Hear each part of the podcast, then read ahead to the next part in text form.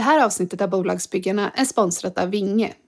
Med rådgivning kring den juridik som är relevant i varje utvecklingsfas stöttar Vinge bolagsbyggare med att förverkliga sina drömmar.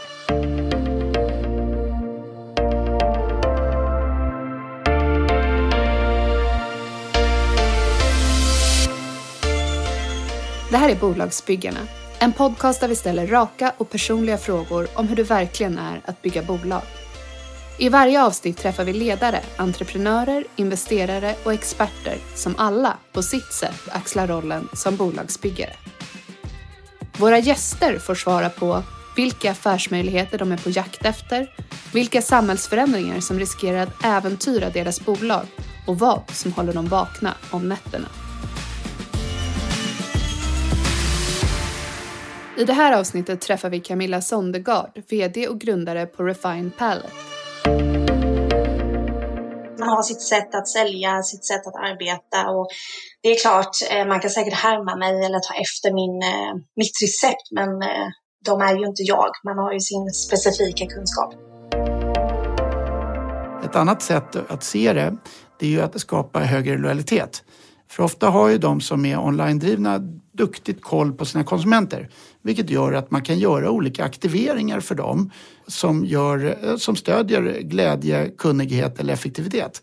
Och det tror vi eh, kan göras ganska bra fysiskt framöver. Och med de nya mer flexibla modellerna, pop-up butiker, tillfälliga platser och sådär, så tror vi att där, där kommer det att kunna växa ordentligt. Och vi ser även det, till och med i vår eh, verksamhet, att det är mer e-handlare som kommer till oss. Och det där var Christian Appel, founding partner på Workshop.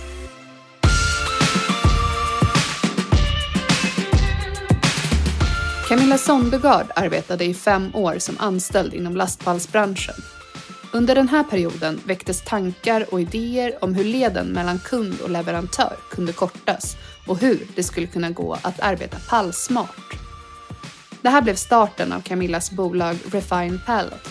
Genom sina tjänster hjälper Refine sina kunder att minska kostnader, transporter, spill och påverkan på miljön. Genom att pallarna används smartare får längre livslängd och fraktas runt mindre.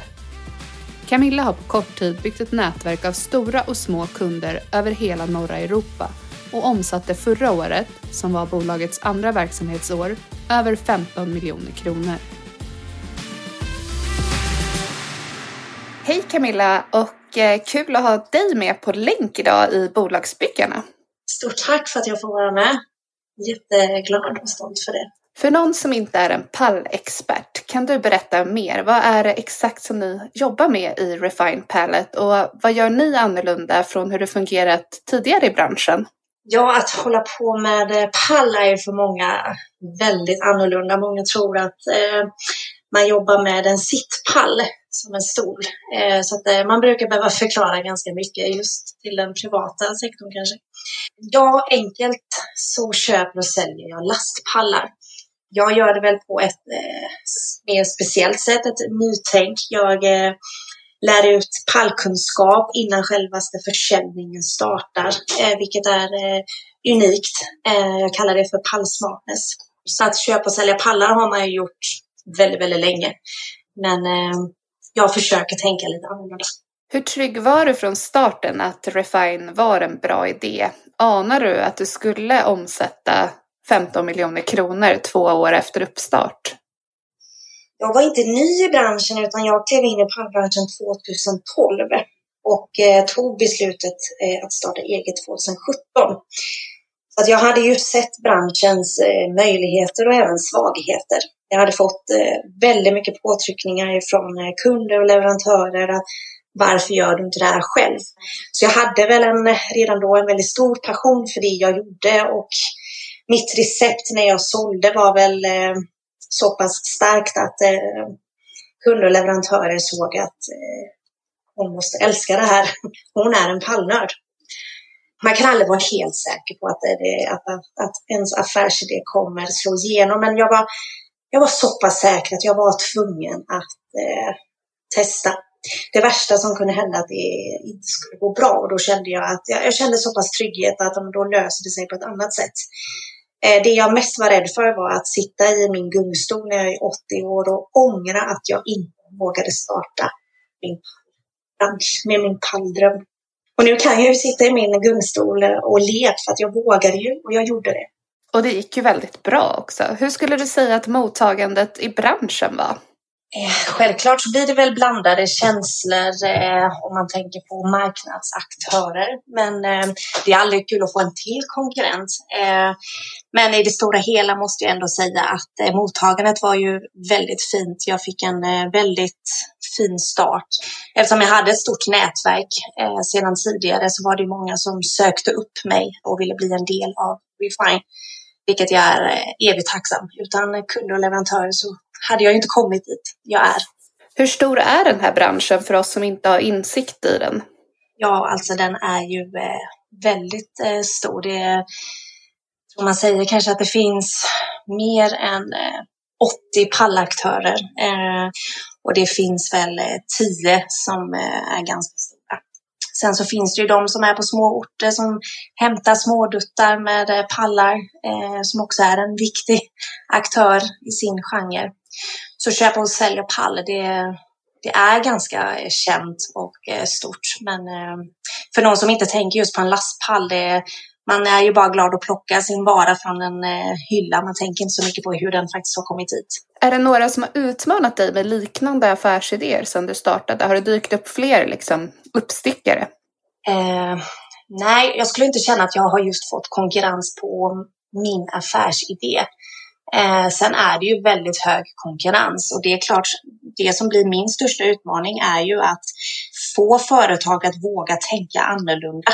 Eh, det här blir ju ett nytt sätt att tänka kring lastpallar, så det är väl liksom min, min stora eh, utmaning. Eh, men det är också det som gör att jag känner att det är helt rätt det jag håller på med. Hur ser du till att vara uppdaterad och utveckla bolaget så att du alltid är på tårna? jag har ju inga färdiga boxar eh, utan jag får ju eh, anpassa mig till varje kund och leverantör och deras specifika eh, hantering av pall och så får man försöka sälja in sitt koncept så att det passar deras verksamhet. Jag kör ju bolaget ensam, eh, har inte på samma sätt de här stora tunga overheadkostnaderna. Eh, jag har väldigt liten marginal. Jag tror att det är få som skulle sporras av att tjäna så lite pengar per pall. Så därför är jag inte jätteorolig att mina största konkurrenter skulle vilja svänga om att göra som jag. Då skulle de inte ha sin stora apparat längre, för det skulle inte vara lönsamt för dem. Och sen är man ju själv, man har sitt sätt att sälja, sitt sätt att arbeta och det är klart, eh, man kan säkert härma mig eller ta efter min, eh, mitt recept, men eh, de är ju inte jag. Man har ju sin specifika kunskap. Du säger att du är själv och driver ditt företag. Vad gör du för att hålla din motivation uppe?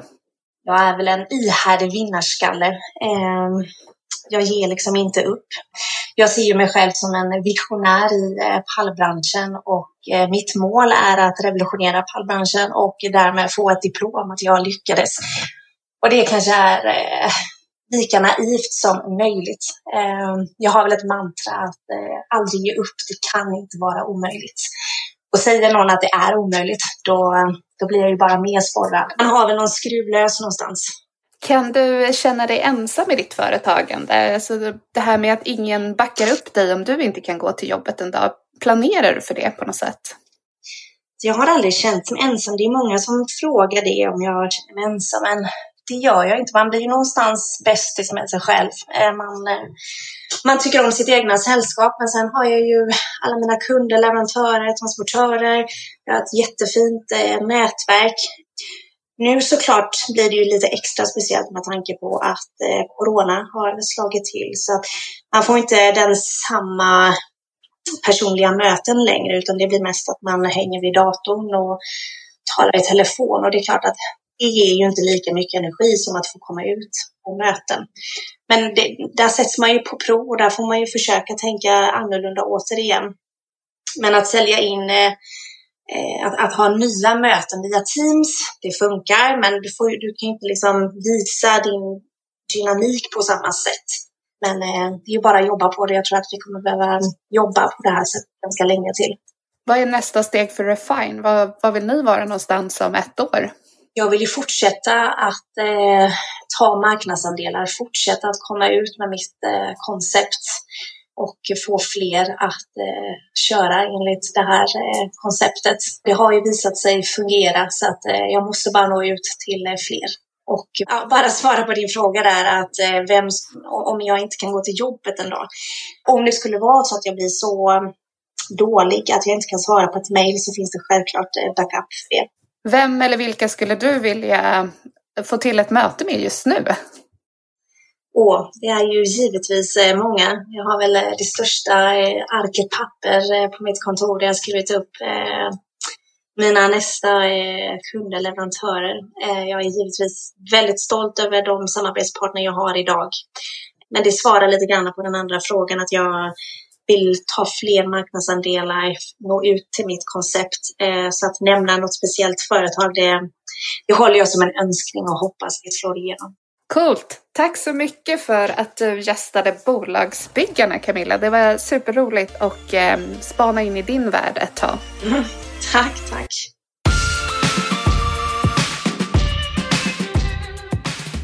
Efter nästan tio år inom militären insåg Christian Appel att vara företagare nog var något som skulle kunna passa honom.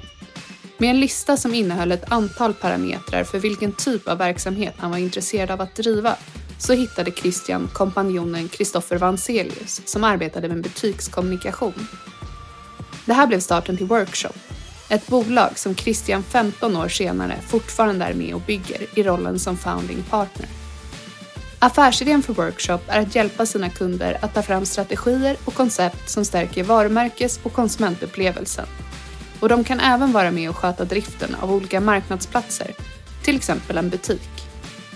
Idag är de 250 fastanställda och på kundlistan finns internationella välkända varumärken såsom Nike, Google och Samsung.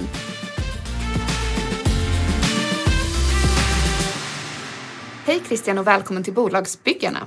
Du driver ju Workshop, The Full Service Retail Agency. Vad är det för något? Ja, hej. Alltså Workshop är idag Nordens största och eh, Europas bästa kreativa byrå för retail.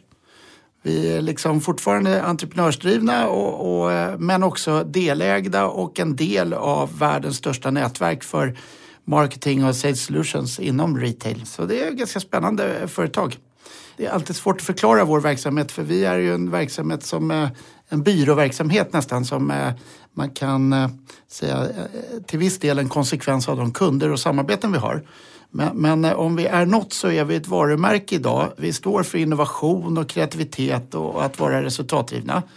Och dessutom så har vi ju ganska många anställda. Vi är nära 250 fast anställda och ett par hundra till i, i perioder. Och vi vill vara en plats och är en plats för människor som har passion för retail. Och Eh, varit rätt häftigt genom åren därför att det är oaktat bakgrund eh, och eh, vi gillar när man både kan utveckla och utvecklas hos oss. Jag tror vi är sammantaget nästan 17 nationaliteter i företaget. Men ska man försöka förklara vad vi gör också, som inte bara är vad vi är, så, så kanske det är lite vettigt. Vi hjälper några av de här stora och största, mest framgångsrika, ambitiösa varumärkena i världen. Så på kundlistan har vi Nike, Google, Samsung med flera eh, som faktiskt har varit med sedan starten för 15 år sedan. Så att det vi gör är att vi har en liten unik affärsidé där vi sätter ihop olika typer av kompetenser och bildar team som kan utveckla konsumentupplevelser, göra löpande analyser och faktiskt ända ner till att ta ansvar för hela driften. Och det kan vara en marknadsplats såsom en butik, en pop-up, en e-handel. Eh, och så agerar vi som en fullserviceaktör och en partner till de här varumärkena på olika marknader. Så att eh, om man då skulle försöka sammanfatta det så kan man alltså komma till oss och utveckla en strategi eh, eller ett sätt eller en distribution och vi kan ta och hjälpa till hela vägen till att vi bemannar, leder och eh, sätter upp en butik, en e-handel eller olika konsumentupplevelseaktiviteter som kan ske där ute. Så det är rätt spännande, tycker jag själv. Om man någon gång har haft vägarna förbi Stockholm så kan man ju se en del av era konceptbutiker som ni har varit med i. Har du något ja. exempel där? Ja, vi var tidiga tillsammans med Swedish Match att göra en eh, snusbutik bland annat. Eh, som idag är sex stycken eh, snusbutiker runt om i Sverige. Som är, kan man kalla det, en plats för deras fans eller för snusers. Och de som jobbar där är inte sommeliers, de är snuseliers. och eh, superkompetenta inom området. Så att det är mer en kunskapsplats. Du kan göra ditt eget snus där. Med din egen smak och parfym. Coolt. Jag vet ju att du har en bakgrund inom militären, ganska många år faktiskt inom mm. militären. Hur kommer mm. det sig att du till sist hamnade där du är idag och nischade dig mot retail?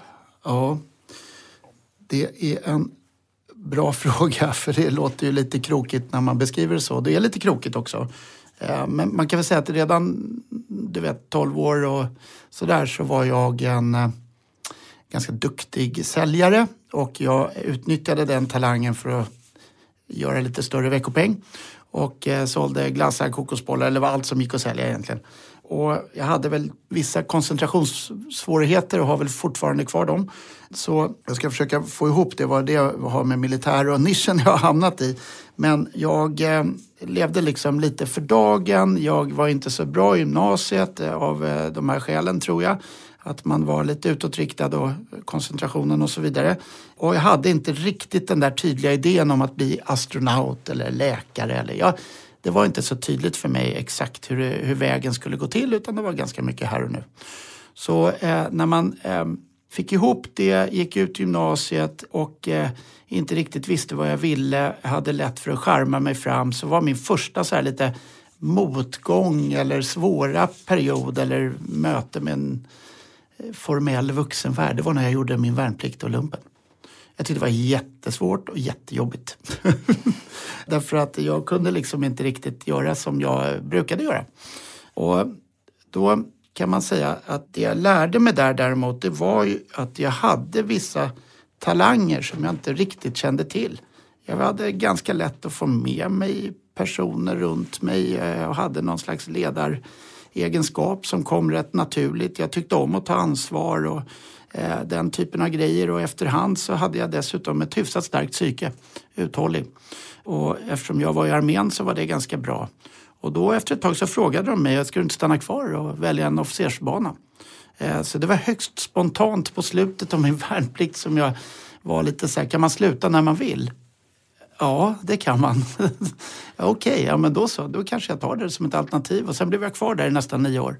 Men av dem så var sex år officersskolor och ett år i Bosnien nästan som chef över en eh, rätt konstig multinationell enhet för lite special operations där nere.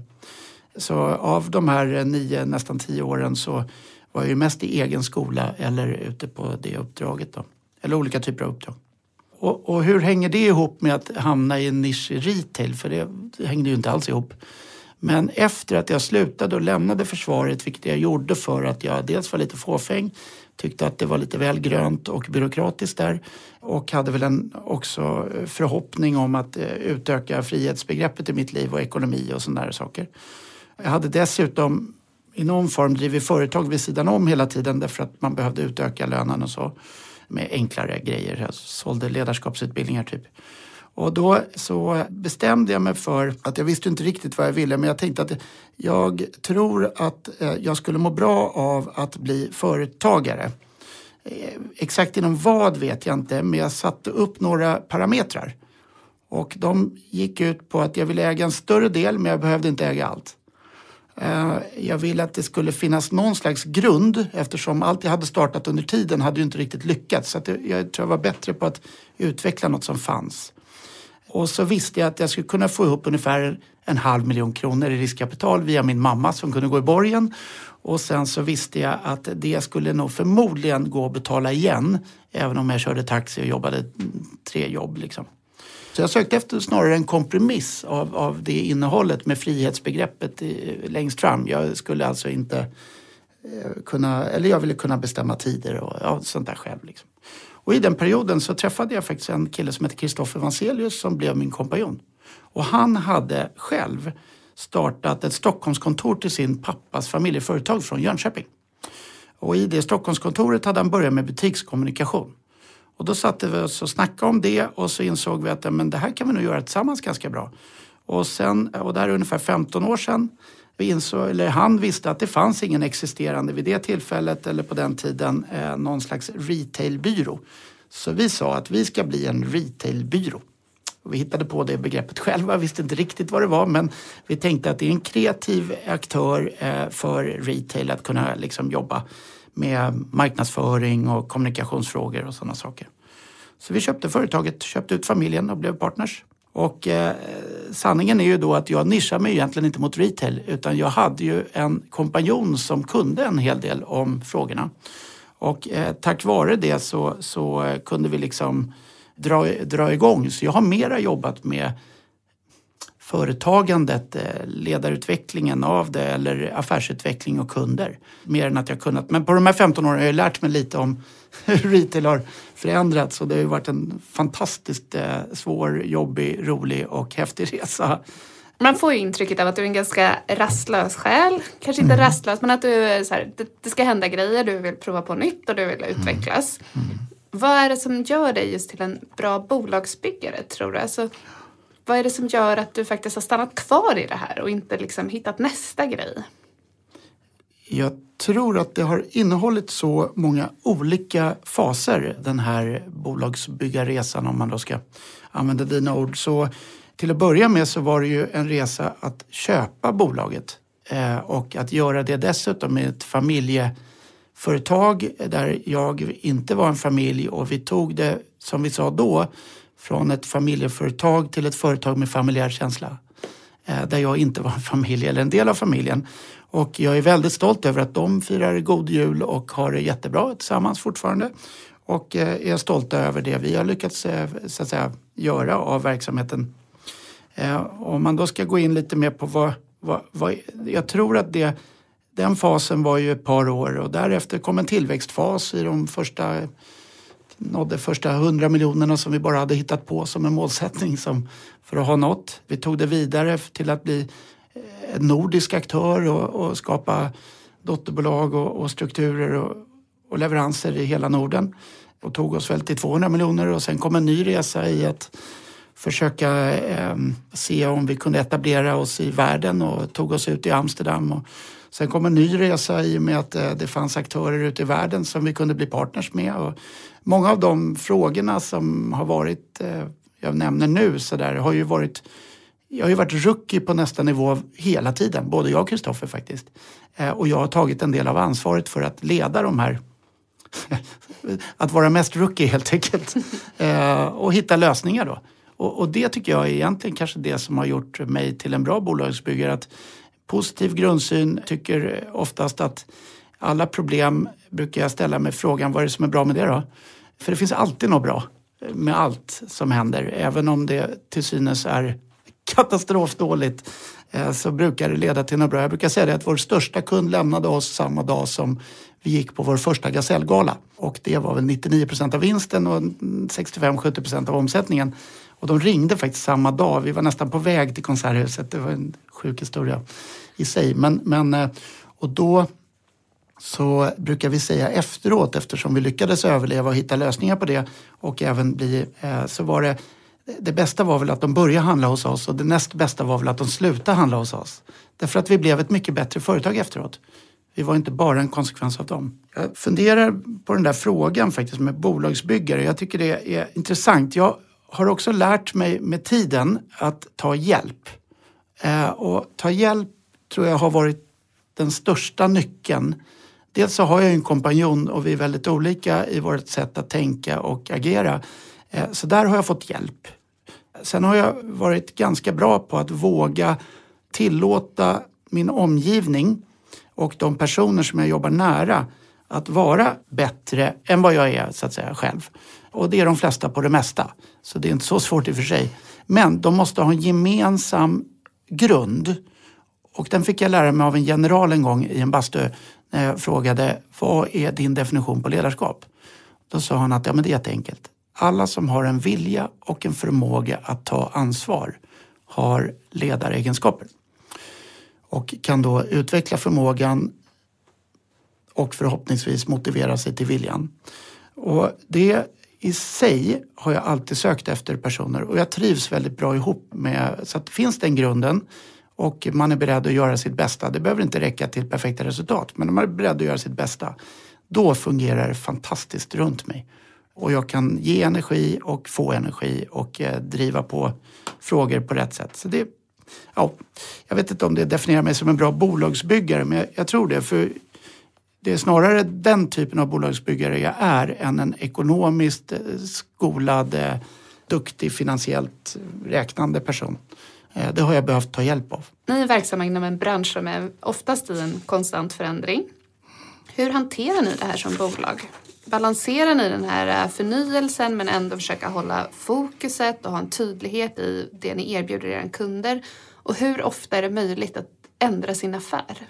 det ligger väl i eh, förändringens riktning att vi är, för att tala om det finansiella då, så, så är vi ju ett eh, kassaflödesdrivet bolag. Eh, det vill säga att vi har inte någon finansiering i grunden utan vi finansierar vår utveckling och, och så vidare på kundernas fakturer eh, och ibland någon partner och leverantör som hjälper till. Men eh, då gör vi det tillsammans. Jag tror att det gör att vi måste ligga otroligt nära våra kunder och vår marknad. Så i praktiken så tror jag vi har vridit om vår verksamhet varannat eller vart tredje år.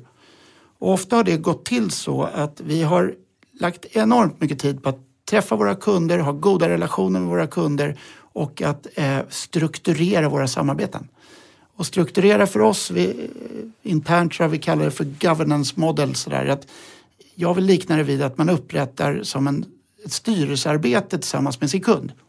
Det ska finnas olika nivåer, det ska finnas utrymme för att prata eh, över tid och lång tid framåt eh, och det ska finnas utrymme att agera på de här sakerna och kunna diskutera eh, feedback som i vår bransch det vanligaste jag tror man lämnar ett samarbete är snarare för eh, ordningsfrågor, alltså fakturorna är problem eller eh, det är oftast inte leveranserna för de är ganska bra.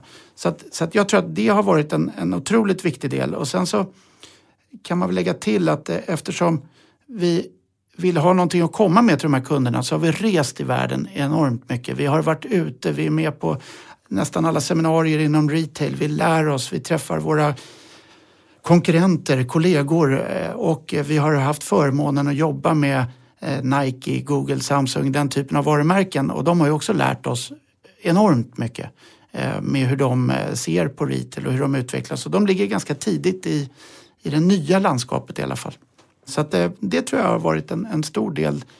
Men sanningen är att det är smärtsamt. Vi har ju varit tvungna att ömsa skinn eh, på kompetenser ofta. En del i det var att vi sa rätt länge att man, man var hos oss i två år på den befattningen man var.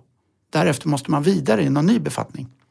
Och ett sätt att göra det på var att vi öppnade slussarna till våra kunder för talanger och gjorde oss själva till någon slags talangfabrik. Eh, och otroligt stolt över det för att eh, ute i världen så sitter det på jätteroliga positioner på massa olika stora fina företag personer som började hos oss och kanske faktiskt innan dess stod i en butik eller vissa hade väl en, en högre utbildning också. Men, men jättestolt över just den delen att kunna bidra till människors utveckling. Och smart på flera sätt. Då kanske de också är en bra ambassadör för er. De har ju dessutom blivit kunder, många av dem, absolut. Så det stämmer jättebra. Vad tycker du själv om förändring? Hur reagerar du när det händer någonting plötsligt som gör att man måste ställa om? Är det en djup suck först och sen liksom kör vi på? Eller hur hanterar du det? Ja, kul, jag, jag började med en suck där. Så att, absolut. Ja, det tror jag alla som oväntade överraskande situationer eller liksom jobbiga... Alltså det är lätt att tänka att förändring är, är, är till det sämre. Jag tror att jag har en grundinställning att jag brukar skratta åt det lite på när det händer grejer och sådär. Det kan ju alltid bli bättre för det är inte säkert att det var perfekt som det var. Och, och det där tycker jag kanske är lite till att jag har lite tur i livet för jag, jag har nog en sån grundläggande läggning helt enkelt. Det kan bero på att jag är lite osmart också på något sätt. Alltså, så inte så, antingen för låg IQ kanske, jag vet inte. Men hur som helst, jag, jag, jag tycker om förändring som idé Eh, i grunden. Min fru tycker att det är ganska jobbigt för när jag flyttar in i vårt hus så, så tänker jag det första jag gör på att flytta ut ur huset. Inte att flytta in. Eh, och, och, jag vill gärna sätta en tidsgräns på hur länge vi ska bo där och sådär så att det inte blir för ändstation, för det tycker jag är svårt och sådär. Och det, det, det, där kan ju vara lite jobbigt i en familj. Men rent eh, businessmässigt och eh, liksom i företagande så är det ju oftast väldigt bra. Eh, det som är lite komplext är att jag samtidigt har någon slags ganska stort kontrollbehov. och, och, jag har lärt mig att, att jag vet ungefär och jag känner igen det idag när kontrollen blir för eh, fel så att säga. Eh, jag kan lägga mig i, vi har en VD idag som, som jag tror tycker att jag är fruktansvärt jobbig i perioder. Eh, därför jag kan lägga mig i saker som, och kontrollera honom och kanske till och med manipulera ibland eh, på fel sätt och så. Men, men jag har liksom också utvecklat några tricks för att liksom eh, släppa på kontrollen och, och, och, och, de funkar ju bättre därför att min erfarenhet är att, att faktiskt eh, jag har mer lyckade resultat av att släppa kontroll än att bibehålla kontroll. Och eh, då brukar jag göra så att jag jobbar lite i ett eh, vad är det värsta som kan hända scenario. Oftast är inte det så farligt. Det är ju ändå business jag håller på med så det är ju inte på liv och död oftast den businessen vi gör. Ehm, och sen så försöker jag hitta tekniker för att överlämna ja, egentligen hela mig själv. Meditation fungerar. Det finns olika, eh, ja, ibland ber jag till och med små böner och eh, någon slags högre makt-andlighetsidé eh, där. Eh, men det funkar för mig eh, och, det viktigaste är egentligen inte hur jag gör utan att resultatet blir att jag, jag vågar släppa eh, kontroll, kontrollen och överlämna resultatet till vad det blir vad det blir så att säga. Och det där tycker jag är häftigt för att ju mer vi som företag har gjort så, ju mer vi har byggt på attraktion snarare än forcerad försäljning, desto mer framgångsrika har vi blivit där också. Så jag tror att för oss har det varit en framgångsrik modell och för mig personligen framförallt. Vi hade Karin Söderlind som gäst tidigare i podcasten och eh, hon har grundat Dagmar klädföretaget. Och hon nämnde att ingen riktigt idag sitter på de rätta svaren hur man ska lyckas just i det här nya landskapet som växer fram mellan online och retail. Hur går dina tankar kring det? Håller du med att det, det är svårt att hitta de rätta svaren eller har du något exempel på något som någon annan har gjort som är lite vast? Nej, det är ju lätt att man tar till de här stora exemplen. Amazon är väl ganska framgångsrikt. Jag håller faktiskt med henne eh, om det att än så länge så eh, framförallt fram till pandemin så var det här fortfarande väldigt mycket diskussionsfrågor och testområden. Och många branscher flyttade sig hyfsat långsamt. Och det är väl en klassisk sån här utvecklingsspiral att det går lite långsamt tills det går väldigt fort. Och nu fick vi en pandemi här som gjorde att eh, den där frågan med online, offline och integration och kanske till och med att vissa delar försvinner och vissa blir kvar. Det gick ju i nästan samma takt som viruset spred sig. Eh, vi fick generationer som aldrig skulle ha blivit kunder att bli kunder eh, och så vidare. Vi var ganska, får man väl ändå säga som bransch, redo för det på vissa sätt. Eh, och eh, många företag dessvärre inte redo för det rent strukturmässigt, kostnadsmässigt. Men de flesta har ju kapacitet att sälja i alla kanaler. Så vad som då blir framgångsrikt av det är väl fortfarande kanske lite förmätet att våga liksom säga exakt. Men man kan ju konstatera att de största företagen och jag tycker ju att, eh, nu jobbar jag ju med Nike och, men jag har alltid varit och gjort det i alla år. Och jag är så oerhört imponerad av det företaget. På hur de ger sig an en sån fråga till exempel. Där de säger att det digitala kommer att dominera för oss. Men eh, därmed sagt ska vi också finnas där ute så att vi kan erbjuda eh, både lekfullhet och att man ska få komma till oss och pröva sig fram om man bygger stora, det är nästan som dagisplatser, House of Innovations. Eh, man eh, gör eh, enorma appar och ekosystem så att vi ska kunna finnas närvarande i deras världar. Man delar med sig av data till de nya aktörerna. Man vågar sig på att kanske till och med välja och vraka lite bland sina wholesale-aktörer. Alltså de som, så att där tycker jag är ett framgångsrikt exempel på jag bara titta på deras senaste rapport, den var helt fantastisk. Trots att de har massor med fysisk retail också. Men, men för de flesta av oss så är det fortfarande ganska olöst hur det här ska balansera. Jag tror att det är först när fastighetsägarna kommer med i matchen ordentligt som vi får se vad den framgångsrika modellen egentligen är. Hur tror du att framtidens kundupplevelse ser ut i, för just konsumentföretag? Jag tror att alla tjänster som gör mig som konsument glad, kunnigare eller mer effektiv kommer att vara framgångsrika. Det finns roliga exempel på en glassaffär som heter Museum of Ice Cream. Det går väl inte toppen för dem under pandemin. Men de har byggt stora, eh, ska vi kalla det, Instagramlokaler i rosa med roliga eh, innehåll där man kan ta roliga bilder. Men de säljer faktiskt glass. Eh, och eh, det är oerhört framgångsrikt och man betalar en entréavgift för att sen få köpa sin glass och få ta sina roliga bilder. Det blir man glad av. Både glass och bilderna och lokalerna. Eh, ett exempel på, på ett sånt.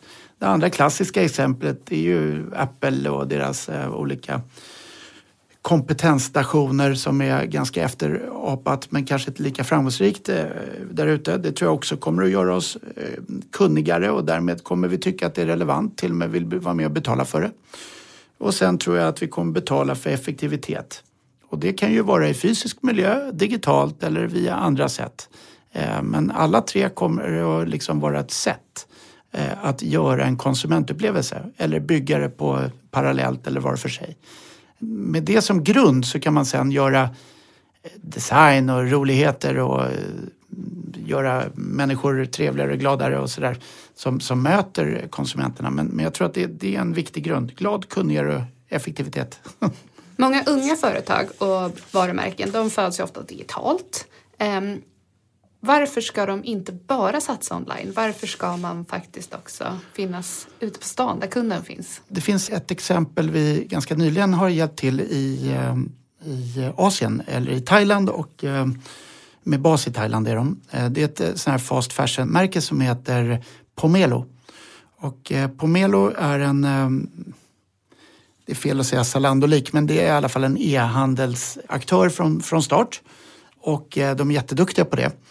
Eh, de har kommit till slutsatsen att bara genomföra online acquisition, alltså att hitta sina kunder online, är, eh, börjar bli ganska dyrt. Och det är också ganska svårt att få lojaliteten.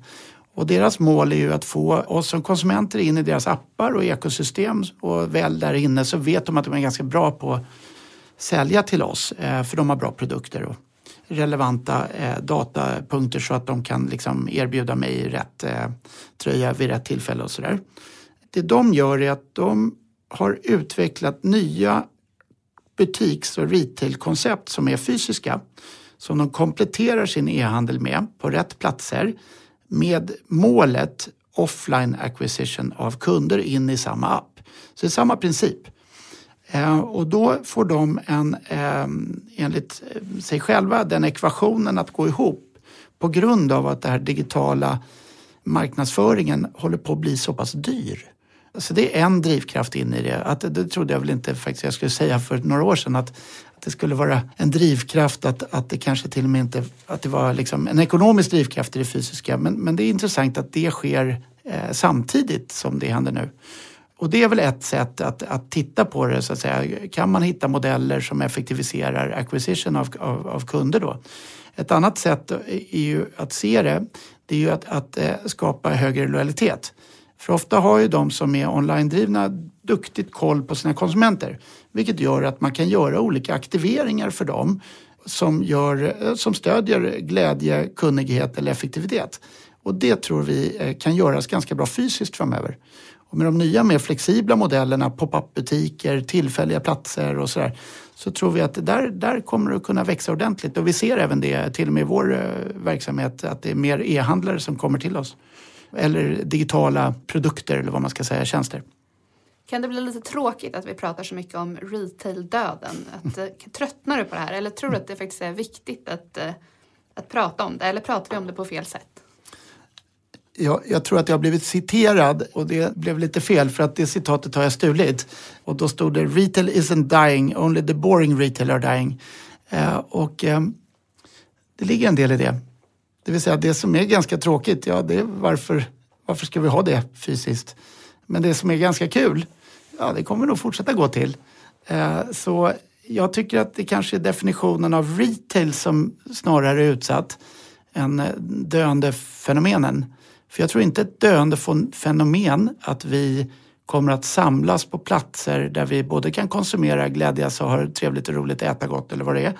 Och jag tror att det är lika osannolikt att vi kommer att sälja dötråkiga produkter på ett dötråkigt sätt på fysiska platser. Eh, så att eh, nej, jag tror att det är inte döende. Jag tror att det, det är vissa affärsmodeller är döende.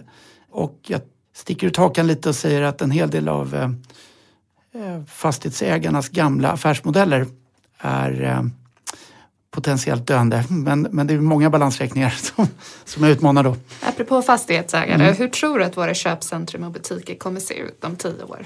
Vi jobbar en del med några köpcentrum och eh, vi eh, har ju under lång tid nu, om, om man tittar om det är svårt att liksom, man kan ju gissa lite sådär, men tio år framåt.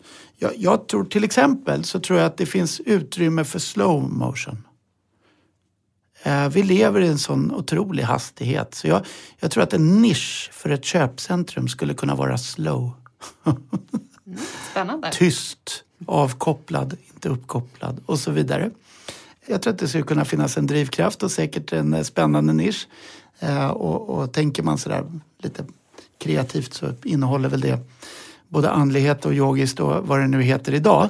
Vi får väl se vad det heter om tio år, de, de tre, häftigaste trenderna i det. Men där kan det nog finnas en, en del eh, som ett exempel på typer av nischer som idag är ganska nästan alla typer av platser är ju mera burna av samma sak.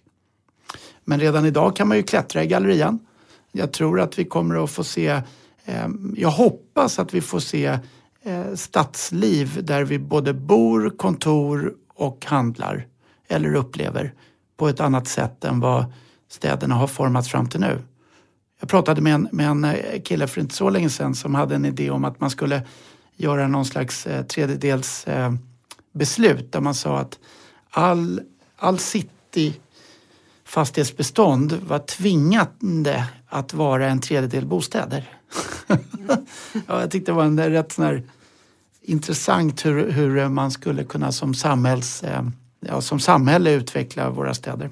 Kort sagt, om tio år så har vi de här tre kategorierna. Jag tror att det finns platser där vi sparar tid, vi nästan åker igenom och blir... Eh, de kastar väl in grejerna i bilen då eller man har väl ingen bil, man kör väl inte ens själv. Jag vet inte hur det går till om tio år. Eh, men sen kommer det finnas de här utrymmena då där vi istället faktiskt skapar leenden tillsammans och närvaro. Och, eh, det går att profitera rätt mycket på det. Man kanske till och med kan ta inträde.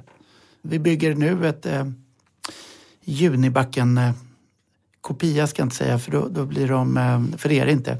Men det är ett liknande som är i syfte att skapa läsande hos barn och det bygger vi, eller de, det heter Fannys lekland och ligger Mobilia i ett stort köpcentrum i Malmö som kommer att vara en av deras huvudattraktioner. Inte H&M, de Fannys lekland. Vem skulle du vilja ringde dig med en smart lösning?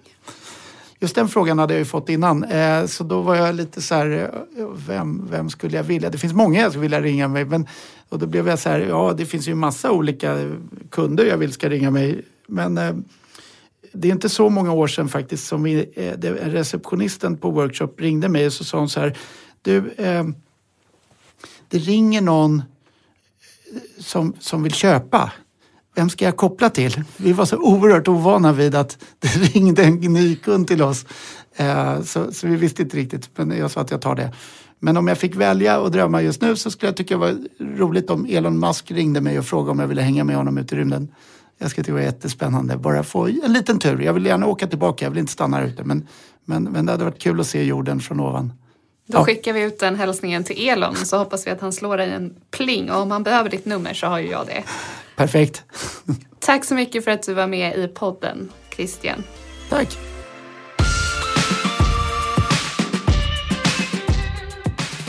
Tack för att du har lyssnat på Bolagsbyggarna med mig, Camilla Ljunggren.